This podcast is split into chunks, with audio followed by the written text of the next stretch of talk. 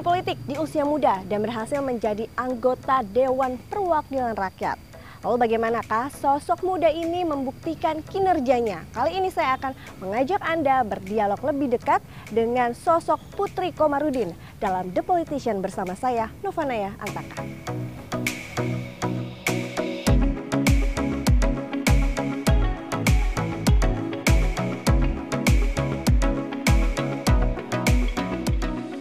Halo, apa kabar nih Mbak Putri Aneta Komarudin? Gimana nih Mbak kabarnya? Selain terjun di dunia politik, sebagai anak muda nih, sehari-harinya ngapain aja sih Mbak?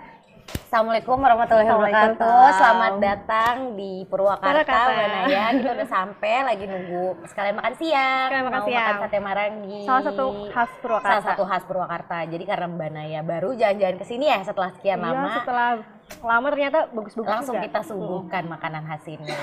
Nah, biasanya ngapain sih Mbak selain terjun dunia politik sebagai kan berarti anak muda nih masih milenial di bawah 30. Ngapain aja sih Mbak masih main medsos kah atau punya medsos apa aja? Ya, eh, saya kan baru melahirkan nih, Hmm. nggak baru juga sih ya, udah tujuh bulan lalu gitu. Jadi sekarang lagi menikmati peran sebagai seorang ibu, sebagai seorang istri juga, sama ya sekaligus jadi seorang wakil rakyat. Jadi ya di tengah-tengah perjalanan keluar kota kayak sekarang gitu, sementara anak posisinya di rumah, ya kita harus mompa asi, terus di tengah jadwal rapat yang misalnya dari pagi sampai malam itu kita selip-selipin lah, Eh, karena pejuang asi itu kan memang harus selalu menjaga moodnya supaya happy, supaya asinya deras, anaknya juga dapat nutrisi gitu. Terus uh, sekarang juga uh, lagi suka olahraga boxing. Sebenarnya dari dulu sih saya mulai apa Muay Thai gitu-gitu. Cuman sekarang makin intens lagi karena uh, olahraga yang lain tuh udah mulai susah ngatur waktunya kan. Kalau misalnya lari kan durasinya lebih panjang uh, gitu-gitu. Jadi uh, sekarang uh, lebih ke Muay Thai. Jadi di antara sela-sela uh, rapat di kantor gitu bisa dipanggil ke ruangan untuk Muay Thai. Abis itu balik lagi rapat gitu. Jadi serunya ngejaga apa ya keseimbangan antara hidup dengan uh, pekerjaan dan tetap happy karena kan kita harus tetap happy dong biar uh, otaknya fresh terus jadi semua uh, pandangan yang dikeluarkan terus tugas-tugas di DPR bisa kita selesaikan dengan baik tetap nah kalau sosmed saya kebetulan ada di semuanya jadi kalau Mbak Naya belum temenan kita ada di Instagram ada di Facebook juga ada di TikTok juga ada di LinkedIn ada di Twitter jadi Mbak Naya mau pilih yang mana kita ada di situ Jadi ada ntar- di YouTube juga kita nge-vlog bareng ya. Oke. Oke. nah, terus Mbak ini ngomongin media sosial. Eh, seberapa penting sih bagi politisi, khususnya politisi muda ini eh, perannya media sosial? Ya. Ah, kita sih bersyukur ya sudah ada teknologi yang namanya media sosial gitu. Jadi kita bisa berkomunikasi secara lebih dekat lagi sama publik. Walaupun misalnya kita sama sekali belum pernah bertemu sama orangnya secara langsung. Ah, dan ah, seperti segala sesuatu, ah, media sosial itu kan seperti pedang yang bermata dua gitu kan. Bisa dipakai untuk negatif ataupun positif. Jadi kalau dulu ah, Bung Karno pakai radio untuk menyiarkan pesan kemerdekaan, sekarang kita pakai ini untuk uh, menyebarkan pekerjaan yang sebenarnya kita lakukan di DPR karena kan ya uh, sayangnya memang stigma DPR sekarang masih sangat negatif gitu. Jadi ada beberapa pandangan kita makan gaji buta lah dan lain-lainnya gitu.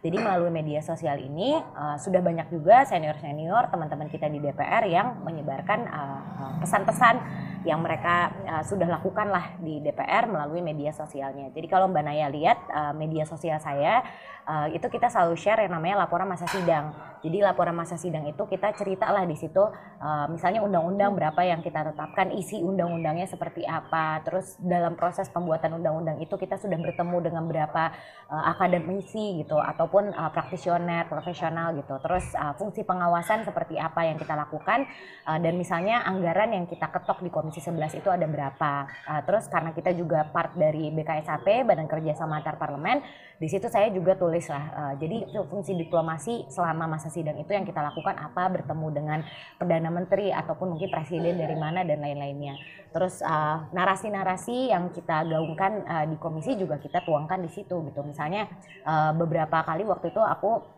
uh, menitik beratkan terkait dengan uh, para pejuang UMKM uh, yang uh, selalu berjuang uh, di kala pandemi ini. Dan uh, bagaimana program-program pemerintah itu uh, walaupun sudah efektif tapi bisa kita dorong lagi supaya lebih banyak lagi UMKM yang terbantu. Uh, dan beberapa uh, uh, uh, apa pesan-pesan lain lah ya yang yang yang sempat saya sebarkan di situ. Jadi uh, teman-teman juga lewat sosial media ini bisa menyampaikan aspirasinya secara langsung kepada kita. Tidak ada jarak lagi lah antara wakil rakyat dengan uh, masyarakat yang kita wakili karena thanks to social media semuanya jadi terbuka. Itu kalau keuntungannya, kalau uh, kan sering tuh ada kritikan-kritikan apalagi apa ini masih muda atau apalah gitu. Nah ini seorang putri menyikapinya seperti apa? Ya. Baper nggak sih? Uh, Alhamdulillah kalau dari kecil sih di keluarga saya selalu diajarkan untuk uh, terbuka gitu sama uh, terbuka sama berbagai macam perspektif dan pandangan. Jadi uh, dari dulu ya saya selalu uh, memberikan kritik-kritik uh, konstruktifnya gitu kepada saya sampai akhirnya kita sampai besar juga terbiasa gitu untuk mendengar uh, kritik seperti itu. Jadi ketika kita melihat kritik justru di situ jadi masukan yang sangat berarti untuk kita gitu. Satunya udah siap. Wow. Oh iya, sebelum terima kita kasih. lanjut. Terima kasih. Makasih ya, Kang. Terima kasih nuhun Kang. Oke. Oke. Kita ini sambil masih makan? panas kali ya. Oh, makan aja deh sambil makan kali ya. Kita lanjut lagi ya. Oke. Okay. Jadi Mbak Putri tadi tuh berarti kalau menyikapi, menyikapi kritiknya itu ya tetap uh, jadi bahan evaluasi aja. Jadi tambah tanda sayang bukan sih Mbak Putri kan jadi banyak kritik. Berarti peduli kan artinya. Selain peduli kan ya, kita sadar sebagai manusia tuh kita punya banyak sekali hmm. kekurangan kan dan uh, sebagai orang yang uh, pihak ketiga gitu masyarakat lah yang paling tahu gitu kekurangan kita ada di mana. Hmm uh, mereka merasa mungkin aspirasinya kurang terwakili di sektor mana gitu. Itu kan jadi input yang sangat bagus buat kita supaya bisa menjadi wakil rakyat yang lebih sempurna lagi, yang lebih baik lagi. Walaupun kesempurnaan hanya punya Allah Subhanahu wa taala gitu misalnya okay. gitu. Tadi aku menarik. Ini ngomongin soal Marangi, UMKM tadi hmm. dibahas kan ya. Sambil kita makan. sambil makan. Nah, ini kan masa-masa krisis terus banyak juga dari anggaran kita tuh disalurkan untuk BLT subsidi Nah, untuk subsidi UMKM khususnya mikro seperti ini gimana Mbak Put? Hmm. Apakah sebagai pemegang kebijakan regulator apakah ini didorong atau seperti apa? Karena kan UMKM kan ini salah satu istilah tulang punggung devisa kita. Sambil aku coba ya. Ya. Enak gimana Mbak Put? Alhamdulillah alamin. Kan harus nambah lagi ya? Iya. Gimana Mbak Put? Jadi uh, kalau UMKM kita hmm. kan memang sekarang masih jadi tumpuan ekonomi kita kan karena 60% dari seluruh jenis usaha di Indonesia itu masih UMKM terus uh, menyerap tenaga kerja dengan uh, sangat optimal gitu. 96 persennya itu masih diserap oleh UMKM ketenaga kerjaan kita gitu. Jadi uh, kita di sini menyadari betapa bergantungnya kita sama sektor UMKM dan memang sepanjang krisis yang pernah terjadi di sejarah Indonesia gitu uh, selalu UMKM yang menjadi uh, bantalan uhum. dari pemerintah untuk bergantung supaya uh, perekonomian kita tetap bisa bertumbuh gitu. Nah Makanya kita sangat menyadari bahwa uh, sektor UMKM kita yang masih dipenuhi oleh sektor informal ini uh, banyak sekali reformasi institusional yang harus uh, kita langsungkan gitu karena 96% dari UMKM kita itu masih di sektor informal. Hmm. Masih banyak yang belum tercatat, makanya belum bisa mendapatkan uh, kredit dari hmm. perbankan hmm. yang konvensional, yang legal banyak yang terjerat rentenir ilegal uh, karena mereka tidak punya uh, laporan keuangan yang memadai lah untuk mengajukan kepada bank. Uh, terus uh, selama pandemi ini jadinya uh, karena kita menyadari uh, berbagai kebergantungan kita dengan uh, kegiatan tatap muka, alhamdulillah sekarang sudah banyak inovasi yang dilakukan. Jadi untuk misalnya untuk uh, pendaftaran usahanya ada online single submission. Jadi di situ uh, perusahaan UMKM itu bisa mendaftarkan diri, terus nanti setelah terdaftar tentu bisa menikmati fasilitas perbankan yang ada gitu, pinjaman, uh, menaruh duitnya di situ dan lain-lainnya. Terus selama UMKM uh, selama UMKM hmm. terkena pandemi juga juga kita ada yang namanya bantuan BPUM. Jadi di situ uh, khususnya untuk sektor usaha ultramikro diberikan bantuan secara langsung pinjaman dari pemerintah uh, supaya mereka bisa tetap bertahan uh, selama pandemi ini. Terus kita juga ada subsidi kur kredit hmm. usaha rakyat uh, yang uh, disubsidi sampai uh, uh, bunganya itu hanya 6%. Jadi uh, ini telah membantu banyak sekali UMKM kita yang memang uh, selama ini sangat bergantung kepada program kredit usaha rakyat ini. Dan alhamdulillah sudah banyak yang naik kelas juga. Karena selama ini secara aktif uh, menjadi bagian dari kredit usaha rakyat Uh, dan diberikan pendampingan juga oleh uh, bank-bank himpunan bank milik negara. Jadi BRI, BNI, BTN dan uh, Mandiri itu empat bank milik negara uh, menjadi penyalur kur mereka melakukan program pendampingan jadi selain diberikan modal uh, mereka juga diberikan kiat-kiat uh, supaya usahanya bisa lebih sukses lagi dan alhamdulillah itu sudah mulai terlihat hasilnya sekarang jadi uh, kalau dari kita di Komisi 11 juga uh, ada beberapa bantuan misalnya uh, pemberian infrastruktur hmm. penunjang untuk UMKM-nya. Jadi kalau misalnya uh, Mbak Naya nih usaha sate marangi kayak hmm. gini, kita bisa bantu misalnya uh, uh, alat masaknya. Hmm. Terus udah gitu kayak di depan itu ada yang tempat displaynya uh, untuk uh, apa untuk Promosinya, makanannya, makanannya. promosi makanannya itu bisa dibantu juga. Terus infrastruktur kayak gini uh, untuk rumah makannya itu bisa kita bantu juga gitu. Jadi kita tidak memberikan uang saja karena tapi itu kan sudah lewat modal, tapi infrastruktur sehingga uang yang mereka dapatkan itu bisa disalurkan untuk hal-hal lain yang bisa lebih meningkatkan lagi usahanya. Ya lalu dia kan masih muda, kemudian dunia DPR itu atau politik tuh dibilang kaku. Ini gimana mbak etika berpolitiknya? Maksudnya uh, untuk bisa uh, bisa blending sama mereka seperti apa nih mbak? Kehidupan atau sehari-hari berinteraksinya gitu. Apakah masih ngomong besti sesama sejawat atau jadi lebih kaku? Gimana sih mbak?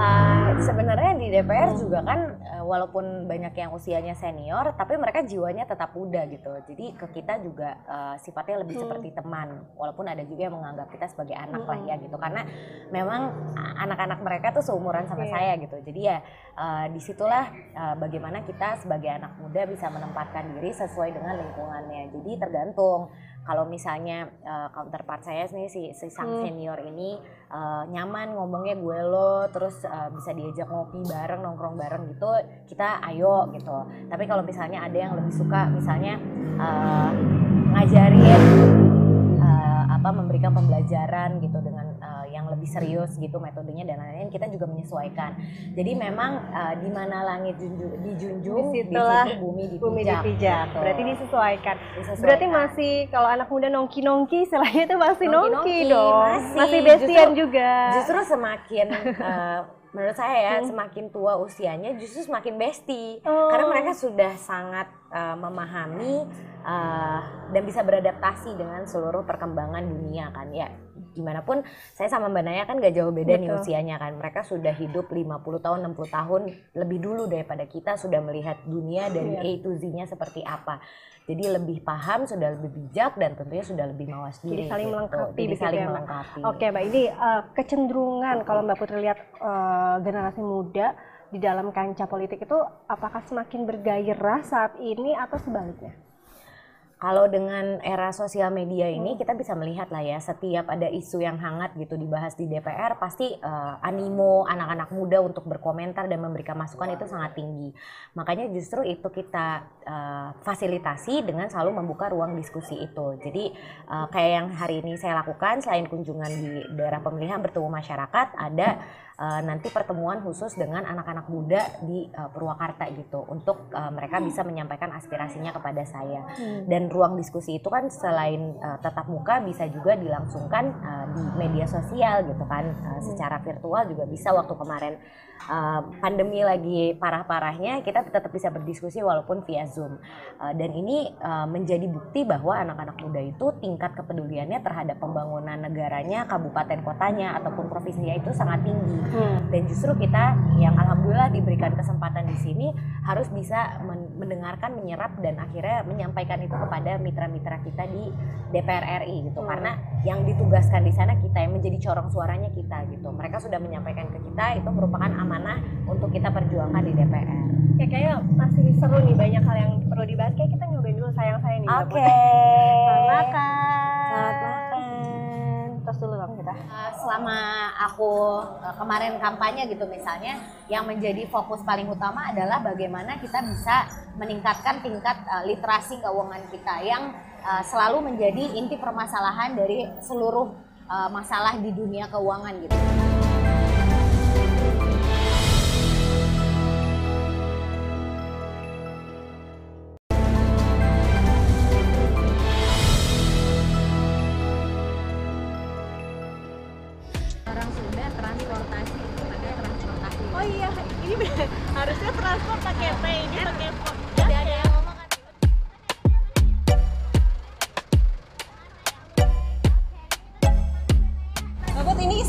Nih kita eh, pakai mobil apa nih Mbak Put? Ini kita lagi di mobil Patriot. Ini bisa tur keliling Purwakarta kalau mana yang mau. Tapi sekarang kita lagi ngelilingin alun-alunnya aja. Mbak Put ini penasaran, Mbak Putri kenapa memilih komisi 11 yang anak muda jarang terus topiknya kan juga cukup memusingkan nih bagi anak muda. Kenapa sih Mbak Put tertarik ke situ? Ah, yang paling menarik sebenarnya kan karena Komisi 11 itu membidangi urusan keuangannya kan. Kita bermitra dengan Bendahara Umum Negara yaitu eh, Menteri Keuangan terus juga bermitra dengan eh, Menteri Perencanaan Pembangunan Nasional yang memang bertugas untuk memastikan eh, seluruh pembangunan kita ini bisa terintegrasi gitu di setiap kementerian lembaga. Jadi anggaran kementerian lembaga kan disalurkannya melalui Bendahara Umum Negara juga. Jadi walaupun kita misalnya nggak bermitra dengan Kementerian Pertanian atau Kementerian KKP, uh, tapi kan uh, kita bisa melihat di situ uh, sudah sesuaikah atau belum uh, anggarannya sudah tepat sasaran atau belum dan apakah sudah uh, bisa memenuhi target RPJMN kita uh, pembangunan jangka menengah dan panjangnya. Jadi uh, makanya saya sangat tertarik untuk masuk Komisi 11 tuh karena ini sudah seperti komisi yang uh, membidangi uh, semuanya gitu. Jadi kita bisa melihat uh, setiap uh, elemen pembangunan itu dengan baik di Komisi 11. Apalagi uh, bisa dibilang juga Komisi 11 adalah komisi tempatnya senior uh, bernaung gitu. Jadi uh, banyak sekali ex banker atau orang-orang yang pernah berkiprah di dunia keuangan uh, sebagai seorang ekonom dan lain-lainnya itu uh, berkumpulnya di Komisi 11. Jadi gudangnya ilmu itu menurut saya ada di Komisi 11 dan memang setelah dari tahun 2019 sampai sekarang kan berarti udah tiga tahun ya menjabat sebagai anggota Komisi 11 banyak sekali uh, pendidikan yang kita dapat di situ baik itu pendidikan sebagai seorang politisi dan anggota DPR maupun pendidikan hidup jadi ya pengabdian masyarakat juga uh, bisa dijalankan uh, terus kitanya juga bisa menjadi individu yang lebih baik melalui ilmu-ilmu ini. Oh, Mbak Put selama tiga tahun kurang lebih begitu ya menjadi anggota DPR. Apa yang diperjuangkan, apa yang sudah tercapai dan yang masih belum nih Mbak? Iya. Uh, selama aku uh, kemarin kampanye gitu misalnya, yang menjadi fokus paling utama adalah bagaimana kita bisa meningkatkan tingkat uh, literasi keuangan kita yang uh, selalu menjadi inti permasalahan dari seluruh uh, masalah di dunia keuangan gitu. Jadi uh, kalau misalnya Mbak Naya lihat uh, level uh, dari tingkat inklusi keuangan kita dan literasi keuangan aja sangat jauh. Jadi kalau inklusi keuangan kan berapa orang yang sudah uh, mendapatkan uh, produk keuangan atau menjadi bagian dari konsumen jasa keuangan. Literasi kan berarti pemahaman akan produk-produk yang mereka beli itu kan. Dan levelnya tuh satu banding dua. Jadi kalau tingkat uh, inklusi kita sudah 76 persen, literasi keuangan kita baru 38%. Jadi ada setengahnya yang beli produk keuangan tapi mereka tidak paham itu apa yang mereka beli gitu. Dan itu menjadi sumber permasalahan dari uh, banyak hal yang uh, kemarin sempat terjadi gitu kan sebut saja ada robot trading uh, yang sempat marak terjadi banyak sekali korbannya pada datang ke Komisi 11 dan Komisi 6 juga gitu. Terus uh, korban-korban pinjaman online ilegal itu banyak juga datang ke kita. Uh, terus korban-korban dari asuransi gagal bayar, terus investasi pasar modal uh, dan lain-lainnya itu banyak yang uh, melapor ke kita juga. Dan uh, setelah kita ajak uh, diskusi banyak yang bahkan tidak membaca terms and condition dari produk keuangan yang mereka beli. Karena iming-iming berbagai ya tawaran untuk mendapatkan uang cepat dan lainnya akhirnya orang jadi gelap mata dan melupakan unsur logis dari semua investasi yang kita buat di hidup ini gitu. Jadi uh, makanya uh, itu yang selama ini uh, saya perjuangkan uh, dan uh, selain uh, memperkenalkan melalui mitra-mitra yang ada di Komisi 11 melalui Otoritas Jasa Keuangan melalui Bank Indonesia uh, kita juga sering uh, bertemu dengan komunitas-komunitas uh, di luar itu gitu. Jadi sambil bercerita gitu misalnya uh, bagaimana mereka menjalani usahanya apabila mereka sebagai seorang pengusaha atau uh, bagaimana ibu-ibu rumah tangga mengelola keuangan uh, walaupun mereka uh, tetap ada di rumah gitu dan lain-lainnya. Dari situ kita juga uh, sambil bercerita gitu misalnya tentang kiat-kiat untuk menyiasati investasi dan bagaimana caranya kita menghindari investasi yang ilegal. Jadi sebenarnya itu yang menjadi fokus uh, kita dan dalam segi undang-undang kan juga sekarang kita sedang menyusun rancangan eh rancangan undang-undang uh, pengembangan dan penguatan sektor keuangan atau P2SK. dan di situ kita memasukkan banyak unsur-unsur uh, dari inovasi keuangan yang uh, sekarang belum ada aturannya. Jadi kalau misalnya Mbak Naya lihat misalnya produk kripto gitu, aset kripto itu kan sekarang peraturannya masih ada di peraturan pelaksana aja atau di Bapepti, belum ada payung hukumnya gitu. Terus uh, pinjaman online belum ada juga undang-undang yang mengatur tentang fintech. Ya itu kita masukin di uh, apa RUU P2SK ini yang harapannya nanti bisa memberikan kepastian hukum untuk kita sebagai konsumer jasa keuangan. Jadi sebagai uh, bisa pembuat kebijakan ini memang mendorong kayak kripto dan lainnya ini supaya regulasi lebih jelas. Ngomong-ngomong, Mbak Putri main apa aja nih? Kripto main atau investasi apa aja nih? Kan anak muda nih biasanya didominasi sama uh, investasi juga kayak reksadana, saham dan lainnya. Kalau Mbak Putri sendiri main nggak kripto? Uh, saya termasuk uh, konsumen yang main aman. Main aman. Uh, kita termasuk yang tingkat resikonya rendah gitu. Hmm. Jadi uh, banyak tidak uh, apa mengeksplor produk-produk yang cenderung lebih tinggi resikonya. Tapi kalau misalnya Mbak Naya lihat sekarang, uh, sebenarnya uh, kultur di uh, industri keuangan kita itu udah sangat uh, anak muda gitu. Jadi kalau misalnya dari datanya aja 59% dari uh, investor itu ada investor pemula yang usianya di bawah 30 tahun. Yang usia 31 sampai 40 tahun itu di level 20%, sisanya baru yang senior. Walaupun memang uh, kalau misalnya secara nominal uh, kita masih jauh lebih tertinggal lah daripada investor yang uh, sudah lebih mapan umurnya gitu. Karena mereka sudah 50 triliun sendiri, kita masih jauh di bawah itu. Tapi kan berarti uh, banyak hal juga yang uh, bisa menjadi uh, uh, apa ya uh, target untuk uh, para penyelenggara jasa keuangan ini beserta regulatornya untuk memastikan bahwa industri ini bisa menjadi industri yang aman untuk para anak-anak muda ini belajar bagaimana mereka bisa mengelola uangnya dan investasinya dengan baik. Jadi uh, makanya sekarang kalau kita lihat uh, metode sosialisasi itu sudah dibikin dikemas dengan bahasa-bahasa yang lebih santai, uh, bahasa ekonomi keuangan kan biasanya bahasa yang jelimet kan. Orang tuh antipati terhadap ekonomi kadang-kadang karena tidak bisa mengerti bahkan tidak bisa mencernanya, tidak bisa mencernanya dengan baik uh, apa yang disampaikan. Uh, jadi uh, dengan adanya media sosial yang tadi kita obrolin di awal, ini menjadi uh, uh, apa strategi yang lebih uh, lebih inovatif lagi untuk pemerintah supaya bisa memperkenalkan uh, produk-produk ini dan uh, memberikan uh, strategi untuk meningkatkannya, tapi dengan bahasa yang dikemas dengan uh, bahasa yang bisa diterima dengan mudah oleh publik. Tantangannya apa sih mbak? Ini kan kayak bikin regulasi kripto dan lainnya kan masih ada beberapa masalah gitu. Nah, sebenarnya dari uh, DPR sendiri tantangannya apa sih mbak ya. sebagai pembuat kebijakan? Ya. Uh, kalau misalnya regulator tuh emang selalu tertinggal di negara mana pun ya bahkan di negara maju selalu tertinggal oleh industrinya gitu kan jadi ketika industri finansial teknologi ini pertama kali meroket uh, di negara di negara-negara lain juga banyak yang belum punya payung hukumnya gitu. Jadi tantangannya tentu uh, menyesuaikan uh, dengan kondisi lokal yang ada tapi kita juga perlu terus uh, benchmarking dengan negara-negara yang sudah lebih dulu uh, mengimplementasikan kebijakan ini.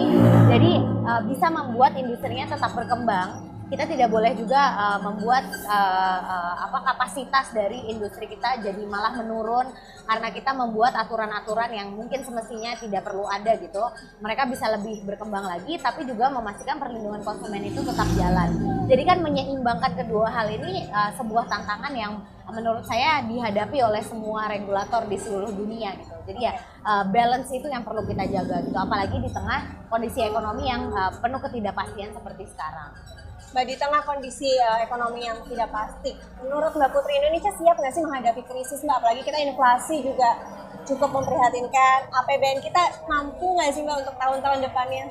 Ya, uh, insya Allah uh, dengan uh, struktur ekonomi kita yang sekarang ada fundamentalnya sudah sangat terjaga kita ada surplus uh, apa apa neraca perdagangan uh, terus kita juga bisa melihat uh, walaupun nilai tukar sekarang uh, sedang uh, apa sih bergerak naik turun gitu. Ribu uh, tapi masih uh, masih bisa terjaga di level yang uh, sesuai dengan uh, target dari uh, pemerintah juga gitu. Terus uh, kita melihat juga bagaimana uh, pemerintah terus uh, meluncurkan program-program perlindungan sosial uh, yang selalu bisa beradaptasi dengan uh, perkembangan yang ada gitu. Kemarin ada penyesuaian harga BBM, perlindungan sosialnya langsung diberikan kepada pihak-pihak yang paling terdampak hmm. gitu misalnya uh, oleh kenaikan dari BBM subsidi ini. Terus uh, kita juga uh, melihat banyak program yang sangat positif juga dari pemerintah supaya uh, SDM kita bisa tetap uh, bekerja gitu walaupun uh, di tengah banyak dinamika uh, uh, perpolitikan dan juga ekonomi global ini. Jadi ada program kartu prakerja untuk upskilling dari skilling uh, dan banyak lagi program lainnya di berbagai kementerian lembaga.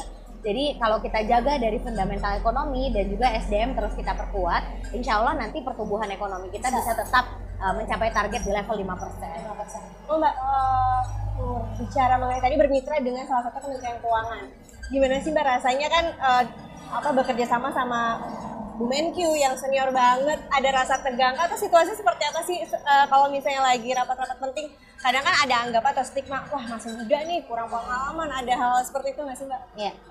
Uh, Alhamdulillah kita dikelilingi oleh orang-orang yang walaupun kemampuannya sudah sangat super uh, mereka punya uh, banyak sekali kemampuan uh, untuk berunding bahkan di level internasional misalnya uh, tapi tetap bisa mendengarkan dan juga melihat orang berdasarkan uh, kapasitasnya, berdasarkan apa yang disampaikannya. Jadi kalau saya uh, selaku seorang anggota DPR yang usianya masih muda, tentu kita juga harus bisa menyesuaikan dengan kemampuan para uh, pejabat ini, Bu Menkyu misalnya atau para dirjennya yang sudah 30 tahun, 40 tahun mengabdi di kementeriannya gitu. Jadi ya uh, kita harus uh, banyak belajar juga uh, apa meningkatkan kapasitas juga. Terus lebih selalu update lah tentang isu-isu ekonomi gitu. Jadi ketika kita menyampaikan kita menyampaikan menggunakan data uh, dan bisa di apa ya bisa ditemukan solusinya bersama gitu. Jadi uh, lebih substansial apa yang kita sampaikan gitu insya Allah uh, dengan cara penyampaian juga yang tetap menjaga etika dan uh, uh, apa budaya ketimuran kita bisa diterima dengan baik. Karena kita double minoritas nih Mbak Naya kan perempuan terus masih muda gitu. Jadi banyak yang mempertanyakan kapasitas kita juga.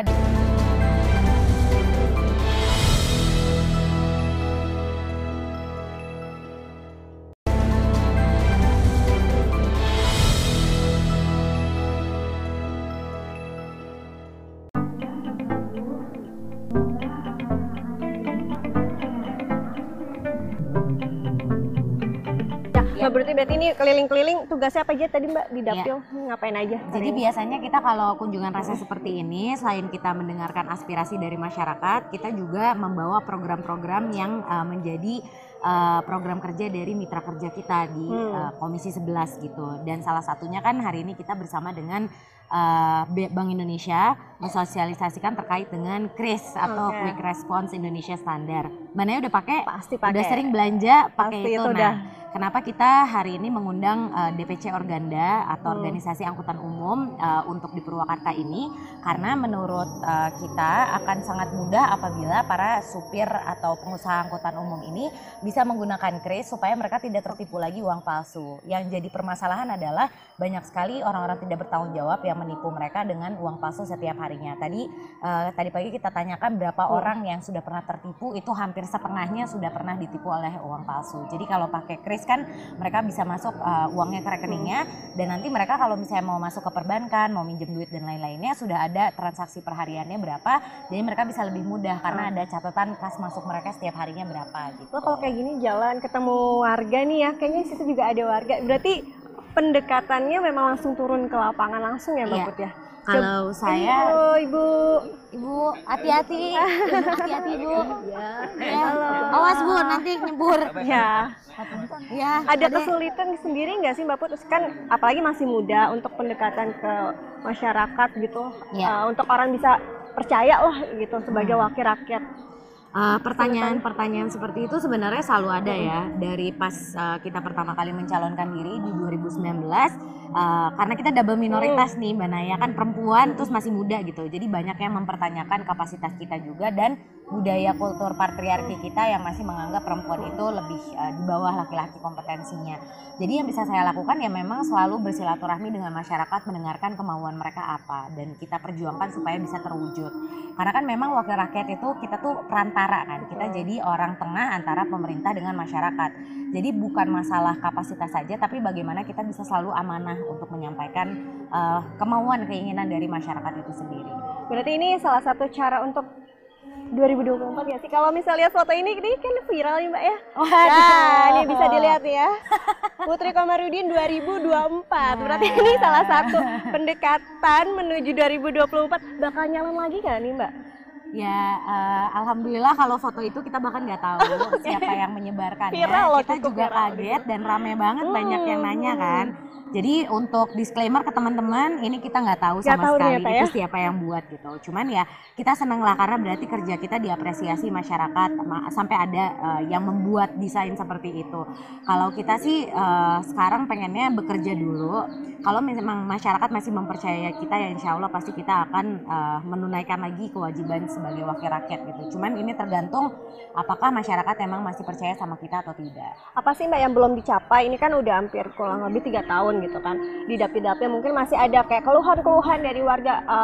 Put, ini masih infrastrukturnya atau eh, kondisi jalannya atau situasi ekonominya seperti apa sih Mbak yang menjadi tanggung jawab paling utama kan yang tadi uh, saya sebutkan kan tentang inklusi dan literasi keuangan. Dan sampai sekarang nih di Purwakarta, Karawang dan Kabupaten Bekasi, masih ada yang namanya bank emok ilegal yang sangat meresahkan masyarakat. Jadi sebenarnya itu PR uh, untuk saya sebagai anggota Komisi 11 supaya uh, gimana caranya nanti pas di akhir uh, masa periode ini kita bisa sedikit demi sedikit walaupun belum tuntas bisa menyelesaikan masalah bank emok ilegal ini dengan apa ya memperkenalkan masyarakat ke produk-produk uh, perbankan yang memang legal dan memang diawasi oleh uh, regulator Regulator. gitu. Oke, Lalu Mbak ini berbicara 2024, tugasnya eh, sebagai politisi muda di Golkar seperti apa?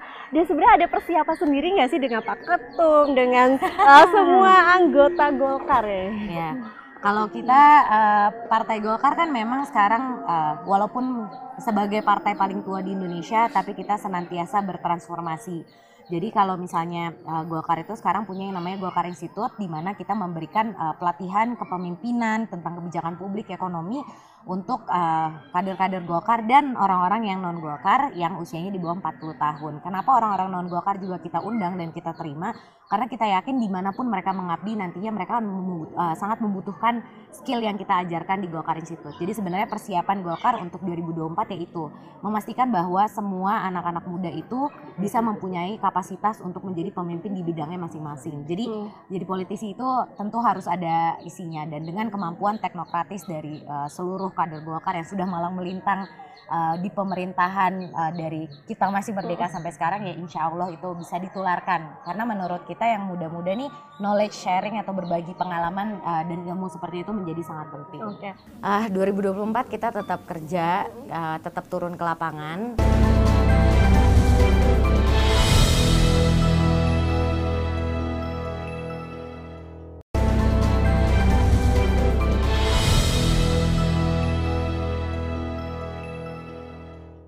Ada Mbak Putri ya, berarti udah kenal ya Mbak Putri? kenal. Ada kalau kesah, kesah nggak sih yang ingin disampaikan langsung di depan eh, perwakilan rakyat Indonesia? Apa nih kira-kira mungkin kemarin kan naik BBM, terus krisis pangan, langsung bisa disampaikan, bisa disampaikan langsung ke Presiden Jokowi. Apa nih Bu?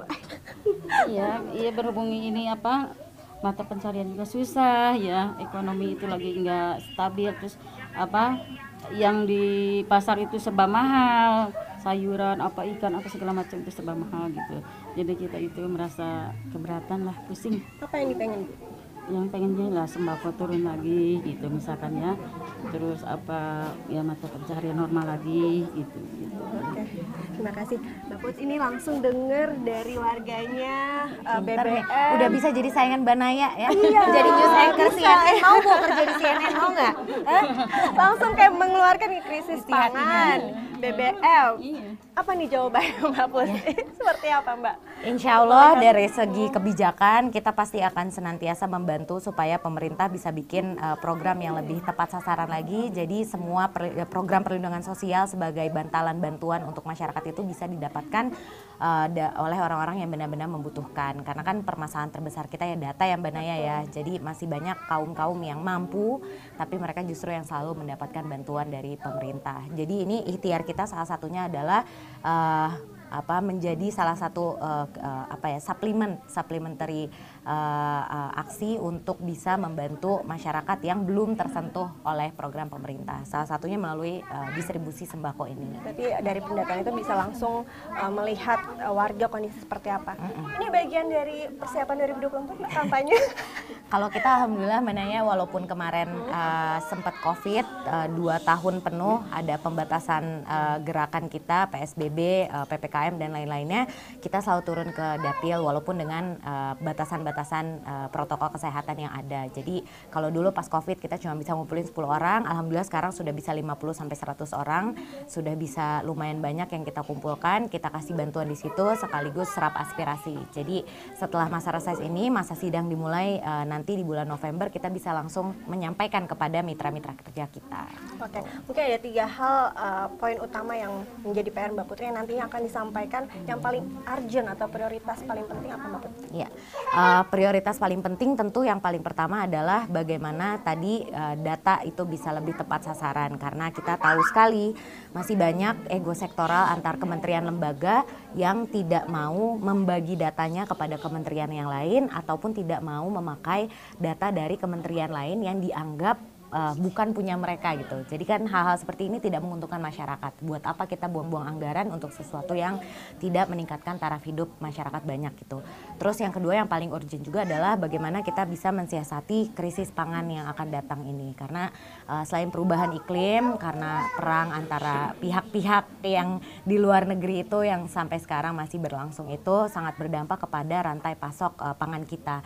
Jadi itu harus ada uh, uh, strategi yang jelas dari pemerintah kita roadmapnya sampai dengan tahun 2024 nanti mau seperti apa kita biar bisa mandiri biar tidak bergantung pada uh, pasokan dari luar negeri. Dan yang terakhir tentu uh, kita harus terus menjaga supaya uh, masyarakat yang di sektor informal ini uh, yang tidak terdata oleh uh, pemerintah yang paling merasakan dampak dari kesulitan ekonomi yang ada sekarang itu bisa senantiasa uh, mendapatkan perhatian dari uh, pemerintahnya gitu. Jadi dengan berbagai uh, cara lah gitu. Entah mereka nanti dikasih upskilling, reskilling uh, oleh program pemerintah, diberikan pelatihan-pelatihan kerja supaya mereka bisa masuk ke sektor formal ataupun mungkin uh, bisa dibantu supaya mereka bisa memformalkan bisnisnya supaya nanti mereka bisa bergerak uh, dengan skala bisnis yang lebih besar lagi. Gitu. Berbicara 2024, ini kan berbagai survei tuh uh, mencatat bahwa 60% nanti pem, era baru dari pemilu adalah pemilihnya adalah masyarakat muda 60%. Nah, Mbak Putri sendiri bagaimana di dapil Mbak Putri di tiga kabupaten Bekasi, Purwakarta dan juga Karawang. Seperti apa Mbak strateginya? Akan menggrab anak-anak muda juga atau ada strategi baru dibandingkan kemarin kan udah sukses nih di 2019 uh, eh, sudah sukses. Nah untuk mempersiapkan 2024 seperti apa? Uh, 2024 kita tetap kerja, uh, tetap turun ke lapangan, uh, tapi mungkin karena sekarang uh, banyak juga yang uh, lebih melek digital, bukan di generasi muda saja, tapi generasi yang senior juga sudah lebih uh, aktif berdiskusi di media sosial. Kita juga pasti akan mempermudah akses untuk masyarakat mencapai kita, uh, walaupun mereka mungkin tidak pernah bertemu dengan kita melalui media sosial ini. Jadi ya kita sama-sama membuat iklim politik ini bisa lebih transparan, bisa lebih terbuka. Syukur-syukur uh, makin banyak banyak lagi masyarakat yang peduli dengan politik dan nanti mau ikut terjun ke dunia politik ini karena kita butuh banyak orang yang berniat baik dan uh, bisa sama-sama membantu supaya Indonesia bisa lebih baik lagi.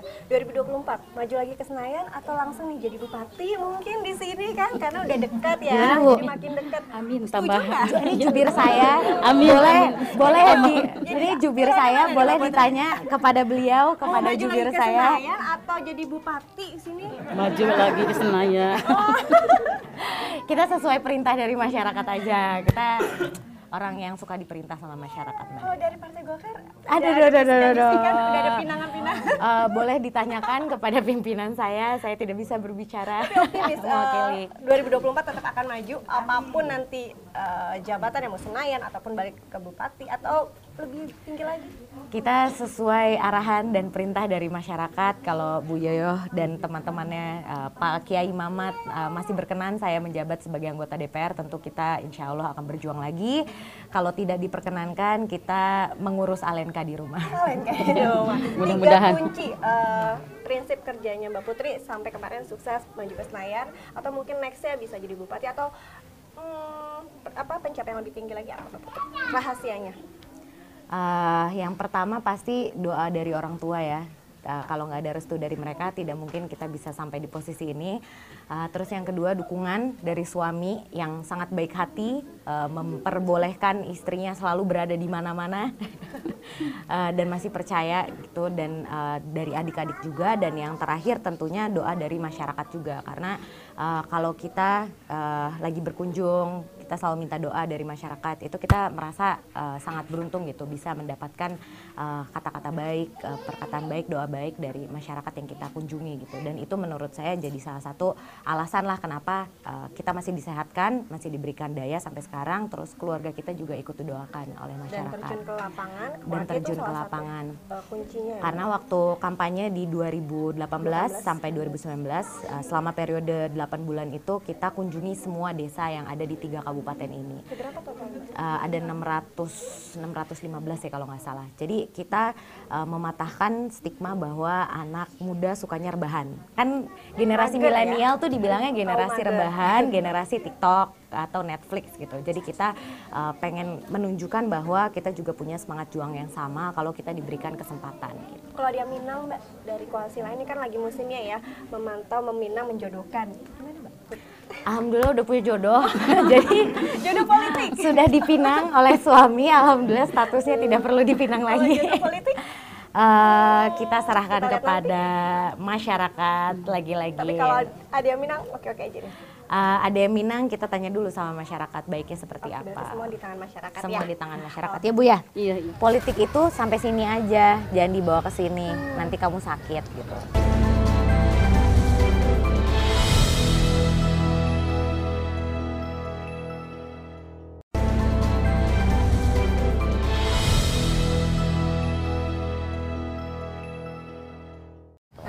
Berarti juga masih muda, masih sering ini kita di kafe nih mbak nongki-nongki juga nggak sih? Seberapa sering me time ngumpul sama temen-temen? Ada grup WA nggak sih sebenarnya kalau di DPR teman-teman? Oh kalau kita grup WA banyak ya. Jadi uh, yang kaukus pemuda itu ada grup WA-nya hmm. sendiri, terus yang cewek-cewek ada grup arisannya sendiri gitu. Terus kalau sama teman-teman di luar DPR ya pasti kita masih sering uh, ketemu lah gitu. Yang rayain ulang tahun siapa, terus uh, mulai banyak yang punya anak kan. Jadi nanti adalah yang namanya akikah, adalah yang namanya ulang tahun pertama. Itu uh, saya kalau misalnya lagi ada di uh, tempat itu pasti mengusahakan supaya uh, bisa datang gitu. Walaupun memang kadang-kadang sering banget bentrok sama jadwal pekerjaan, cuman ya uh, karena teman-teman sahabat-sahabat juga selalu ada gitu buat kita uh, ya kita selalu uh, berusaha lah untuk bisa datang ke acara-acaranya mereka juga. Tapi bahasanya ikut masih bahasa-bahasa anak muda nggak sih mbak kalau WA? Hai Besti. Atau di mana sih guys? Atau literally lah kan? Itu bahasa-bahasa anak zaman sekarang ya. Bahasa TikTok ya. TikTok. masih dong. Kita kan belum tutup banget. Nyaris kepala tiga. Nyaris masih nyaris. ya masih bisa lah. Under 30 gitu under masih bisa masih bisa, sekarang. Ya. terus uh, ngomong-ngomong soal politik uh, ada nggak panutan atau tokoh yang menjadi idola jadi petchernya Putri Komarudin aku bias sih ya, tapi hmm. boleh gak sih bilang papa gitu? Boleh lah. ya uh, jujur emang karena kita belajar dari orang paling terdekat ya uh, selama ini gitu dan uh, selama beliau berkiprah jadi anggota DPR sampai akhirnya jadi ketua DPR gitu, uh, beliau selalu menunjukkan sama kita keluarganya konsistensi beliau dalam memperjuangkan apa yang beliau percaya uh, dan sampai akhirnya beliau jatuh sakit uh, itu dia masih sangat peduli gitu dengan konstituennya. Dengan walaupun kondisinya sudah terbaring di kasur gitu. Beliau masih sering nanya sama saya uh, waktu dulu uh, masih periodenya beliau tuh di tahun uh, 2018 ya itu kan beliau masih menjabat walaupun sudah stroke masih nanya jadi Purwakarta gimana? Karawang gimana? Sekarang yang ngurus siapa? Nggak ada saya gitu gitu padahal itu kondisinya beliau sudah di kasur. Jadi ya hal seperti ini kan yang menurut saya sebagai generasi muda kita harus belajar ya. Komitmen konsistensi dan passion yang selalu membara itu sampai kita nanti tua untuk sesuatu yang kita cintai dan yakini. Betul kalau itu adalah jalan hidup kita. Jadi makanya saya sangat respect dengan ayah saya sangat hormat dan uh, ingin sekali bisa menjadi politisi sehebat uh, beliau gitu. Dengan perjuangan yang sangat lama dari lulus kuliah uh, terus uh, akhirnya menjadi kader HMI sampai akhirnya beliau uh, jadi ketua DPR, DPR di tahun 2016. Oh ada uh, wejangan atau hal yang diwariskan untuk Mbak Putri bisa uh, melaju ke dunia politik? Ya, uh, wajangan yang paling pertama politik jangan baper. Jadi tuh beliau selalu okay. bilang ke saya kayak gini Mbak Naya. Politik itu sampai sini aja, jangan dibawa ke sini. Hmm. Nanti kamu sakit gitu. Jadi uh, beliau sering banget mengingatkan kita itu uh, dan mungkin ya sedikit banyak kondisi beliau sekarang juga karena mungkin pikiran beliau sudah tidak ter bendung lah gitu uh, dengan dinamika politiknya. Tapi kan itu kita jadi belajar kan bahwa memang ada hal-hal yang kita sebagai politisi di luar ketika kita sampai rumah jangan dibawa ke rumah gitu karena pasti akan mempengaruhi kehidupan kita gitu kehidupan pribadi. Terus yang kedua beliau selalu bilang uh, papa nggak akan bangga kalau kamu jadi misalnya pengusaha paling kaya di Indonesia, papa nggak bangga atau kamu jadi artis paling terkenal papa nggak bangga. Tapi ketika kamu menjadi perempuan yang hidupnya komplit jadi definisi beliau komplit itu adalah secara pendidikan uh, kita selesai uh, sampai target kita misalnya target uh, saya sekarang pengen jadi dokter gitu. Hmm. itu nanti pendidikannya harus diselesaikan punya keluarga mengurus anak dengan baik dan punya pekerjaan yang dicintai. Jadi apa pun itu beliau pengen kita jadi paket komplit uh, untuk jadi seorang perempuan gitu. Jadi tidak hanya mengejar materi saja tapi isi otaknya dan keluarga keluarganya juga tetap terjaga gitu. Dan yang terakhir uh, yang tadi saya bilang uh, di awal juga itu sebenarnya salah satu pesan dari beliau juga jangan pernah hidup untuk diri sendiri aja. Jadi harus berpikir bahwa kita bisa bermanfaat untuk banyak orang karena dengan begitu hidup baru bahagia dan salah satu hal yang menurut saya membuat beliau panjang umurnya walaupun kena stroke di tahun 2018 sampai sekarang karena beliau selalu menjaga silaturahmi sama orang dan selalu membantu jadi saya nggak pernah lihat ayah saya tuh menolak hmm. orang yang datang untuk meminta bantuan dalam bentuk apa pun kalau itu masih dalam taraf uh, kemampuan beliau dan tentu masih legal ya untuk dibantu. Jadi beliau uh, selalu menjaga itu dan sampai dengan akhir, alhamdulillah mungkin banyak yang mendoakan beliau. Jadi sudah empat tahun berjalan, beliau masih bisa berada di tengah-tengah kita. Oh, Mbak ini uh, ada anggapan, apakah nama besar uh, sosok Adi Komarudin ini menjadi red, carpet, red carpetnya Putri Komarudin untuk bisa melenggang ke dunia politik atau kancah politik? Ya, uh, kalau nama besar itu uh, ada dua ini ya, ada dua sisi gitu. Positif karena uh, beliau sudah berkiprah begitu lama, jadi sudah banyak orang yang uh, mengetahui beliau, mengetahui sepak terjangnya sehingga mempunyai pandangan positif uh, terkait dengan nama ini, nama Komarudin ini. Cuman salah satu sisinya lagi adalah uh, bagaimana orang mempunyai ekspektasi yang sangat besar terhadap kemampuan saya. Padahal kalau dibandingkan tentu sangat jauh. Beliau sudah 40 tahun berkiprah uh, di dunia politik, uh, sementara saya baru berapa tuh mana ya. Dari 2018 kampanye sampai 2002. sekarang 2022 gitu. Baru uh, empat tahun lah kira-kira. Jadi uh, tentu perbedaan yang sangat uh, besar. Uh, cuman itu justru juga menjadi uh, cambuk lah untuk kita supaya saya bisa terus uh, berkiprah dengan lebih baik lagi dan tidak mengecewakan orang-orang yang mempunyai uh, uh, harapan dan ekspektasi yang besar ini. Dan lagi kita kan nggak bisa milih ya orang tua kita siapa, terlahir dari mana, uh, atau karena nama besar ini akhirnya kita menjadi dikecilkan kemampuannya yang kita bisa kan merubah pandangan hmm. orang, persepsi orang. Betul, berarti benar ya kalau kata sang ayah politik tuh nggak boleh baper. Iya. Yeah sampai sini. sampai sini aja. Iya sampai sini. Oh nih Mbak Putri. Ini mungkin agak-agak sedikit sensitif. Orang-orang tuh penasaran gaji seorang dewan perwakilan rakyat tuh seperti apa sih? Kalau misalnya anak muda nih cukup nggak sih buat sosialita? Kalau gaji pokok 4,2 juta. Terus uh, yang sempat ramai waktu itu ya, dibicarakan betul. terkait dengan dana reses. Dana reses uh, kalau misalnya Mbak Naya tadi sudah memperhatikan seharian uh, saya ngapain aja itu dibiayainya pakai dana reses. Jadi dana reses itu adalah dana yang harus dipakai oleh seorang anggota DPR untuk konstituennya selama masa reses. Jadi kita bikin acara, kita ngumpulin masyarakat, misalnya ada makanan, uh, terus udah gitu ada bantuan berupa sembako yang tadi kita kasih, itu semuanya dibiayainya pakai dana reses. Jadi bukan untuk anggota DPR RI-nya. Bukan untuk pribadi. Bukan untuk pribadi, tidak boleh sama sekali dipakai uh, untuk pribadi. Dan nanti di akhir masa reses kita diwajibkan untuk mengumpulkan laporan laporan uh, keuangan dan juga laporan kinerja terkait dengan kegiatan kita di masa reses itu apa saja gitu. Jadi nanti semua kegiatan tadi itu akan saya sampaikan laporannya termasuk foto-fotonya dan juga bukti uh, pembayarannya dan lain-lainnya. Jadi itu untuk uh, reses itu uh, kita clearkan hmm. bahwa itu bukan gaji bukan seorang gaji anggota seorang DPR. Anggota. Bukan. Kalau dibilang fantastis uh, gajinya itu bisa dipertanggungjawabkan kan? Bisa dipertanggungjawabkan dan memang uh, seluruh dana reses, uh, kunjungan ke daerah pemilihan itu kan memang untuk masyarakat posisinya gitu. Jadi sebesar-besarnya dana yang dikasih insya Allah sampainya akan ke masyarakat gitu dalam bentuk bantuan yang mereka memang butuhkan. Ya, oh Mbak ini yang lagi viral kita bahas yang viral tentang Putri Komarudin ya. Kalau aku baca-baca uh, Putri Komarudin uh, punya kekayaan di usia muda sampai 40 m. Nah, gimana Mbak tanggapannya nih? Baca-baca komen-komen netizen. Uh, jadi uh, itu kan memang kita laporkan sebagai bentuk transparansi kita di LHKPN gitu karena saya merasa selaku wakil rakyat harus transparan di awal dong gitu dan memang uh, 40 M itu sebagian besar ya bukan sebagian besar malah 99 persennya itu adalah dalam bentuk tanah uh, dalam bentuk bidang tanah dan bangunan yang uh, alhamdulillah dihibahkan oleh ayah saya kepada saya gitu. Jadi memang uh, bukan punya saya, punya orang tua, tapi itu uh, dalam bentuk rumah yang karena harga tanah di Jakarta memang sekarang sudah sangat mahal.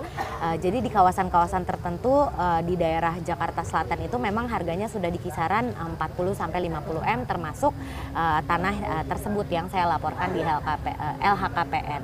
Sementara sisanya ya yang punya saya ya hanya ada kecil-kecilan lah. Berarti itu agak sedikit deposito, ya, ya kan, reksadana saham dan lain-lainnya. Tapi selebihnya ya itu memang hibah. Memang hibah ya.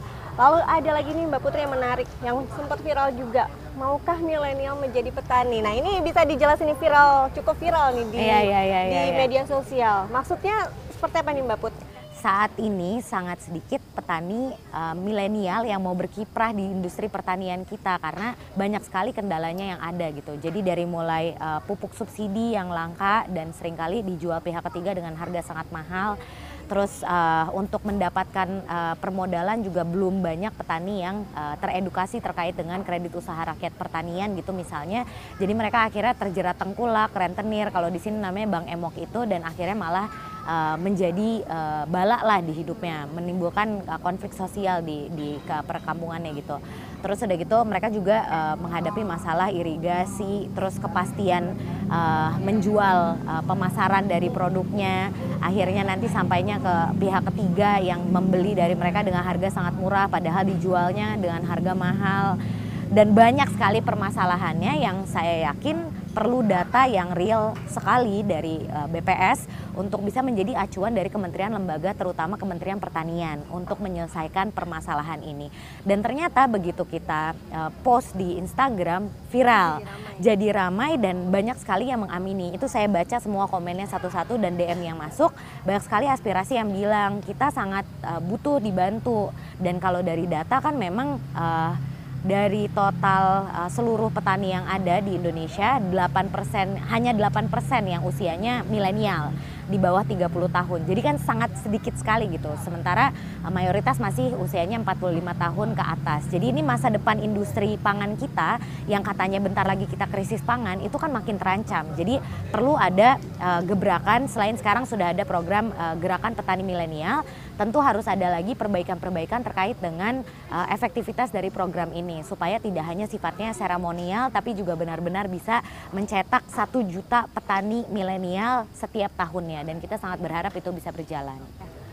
Mbak Putri ini, karena masih tergolong milenial, kita akan challenge. Apakah Mbak Putri masih mengerti bahasa-bahasa gaul milenial zaman now? Waduh, berat, berat, berat. Oke, okay, pelesetan dari honestly, bisa ada honestly, selalu ada itu kan. Apa ya? Jujurly. Oh, okay, betul. Kemudian ada rahasia yang harus dijaga. Uh, low key? Iya betul. Aduh. Kalau tegang ya. TBL TBL TBL itu apa ya? Takut banget oh. loh. Oke. Terus apa lagi ya? Tiba-tiba menghilang. Ghosting. Oke. Aduh, empat bener loh. Pengalaman ya. Pengalaman ya, Say. ya. Curhat ya, Say. Terus, hmm, kasih tau dong. Biasanya apa? Kasih tau dong Biasa tuh kasih tahu dong istilah lainnya. Biasanya di media sosial kita ini ya sekarang kasih tahu dong. Kepo, Bukan. Di ini ya barangnya. review. Bukan. Apa sih? Satu, dua, tiga, tetot. Oke, salah satu baru ya. Spill dong. Oh, spill. Oh my god. Oke, lagi dia lagi. Baru empat yang benar, salah satu doang. Tempat baru yang asik. Nih kayak gini nih kita ada di tempat baru asik nih di Purwakarta. Kita nemuin apa sih? Hype. Happening. Kan, aduh. Ini tempat baru banget nih Besti, ya ampun. Apa Besti? Aduh Besti. Apa, Besti? Hidden Games. Oh, hidden gem. Iya kan? Oke, oke, oke. Oke, berarti oke lah ya dari enam. bener- Salah dua. Salah dua berarti masih termasuk Masih milenial lah. pas lah ya, Pas lah ya. iya. Jujur li oke lah. Jujur ya. li kita pas. Oke, nah, oke. kita kayak belum afdol kalau misalnya milenial sebelum nge-vlog ataupun kita selfie-selfie. Oke. Kita udah temenan belum ya? Coba kita cek Instagramnya. Belum deh kayaknya mana ya. Aku sih udah kayak belum di Masa sih. sih bohong deh. Udah, Udah, kita udah temenan. Udah temenan. Oke, kita Oke. nge-vlog ya. Oke, pakai bahasa milenial atau gimana ya, Put? Iya, bahasa Oke, Indonesia aja. aja. Oke. Hai Besti, hai guys. Kali ini aku lagi sama siapa? Assalamualaikum warahmatullahi wabarakatuh. Halo sahabat Naya. Ya, Yeah. kita punya nama sahabat Naya sekarang. Oke. Nah, kali ini lagi sama uh, Putri Aneta Komarudi, benar ya? Bukan hanya uh, wakil DPR aja, tapi ternyata belum sampai 30 udah menjadi politisi. Alhamdulillah Mungkin ada pesan-pesan nih buat anak muda ataupun yang ingin terjun ke politik atau bagaimana nih uh, pemuda di pemilu 2024 nanti seperti apa Mbak? Iya. Singkat saja. Gunakan hak pilihmu karena setiap suara itu bisa mengubah Indonesia ke depannya. Jadi semangat kita gunakan kesempatan ini sebaik-baiknya. Sarangyo. Sarangyo, salam golongan putri. Salam. Assalamualaikum. Assalamualaikum warahmatullahi wabarakatuh. Oke, sip. Ya Mbak Putri, tadi kita udah seharian bareng, terus juga tadi kita udah bicara bareng banyak juga yang seru-seru. Terima kasih banyak atas waktunya. Semoga uh, selalu semangat dan kita nantikan hasil-hasilnya karena masih panjang perjalanannya. Panjang, amin. Amin, Makasih amin. banyak Terima Mbak Naya, kasih. semoga nggak kapok dan Amin. semoga menjadikan Purwakarta salah satu destinasi wisata yang Mbak Naya dan keluarga. Amin.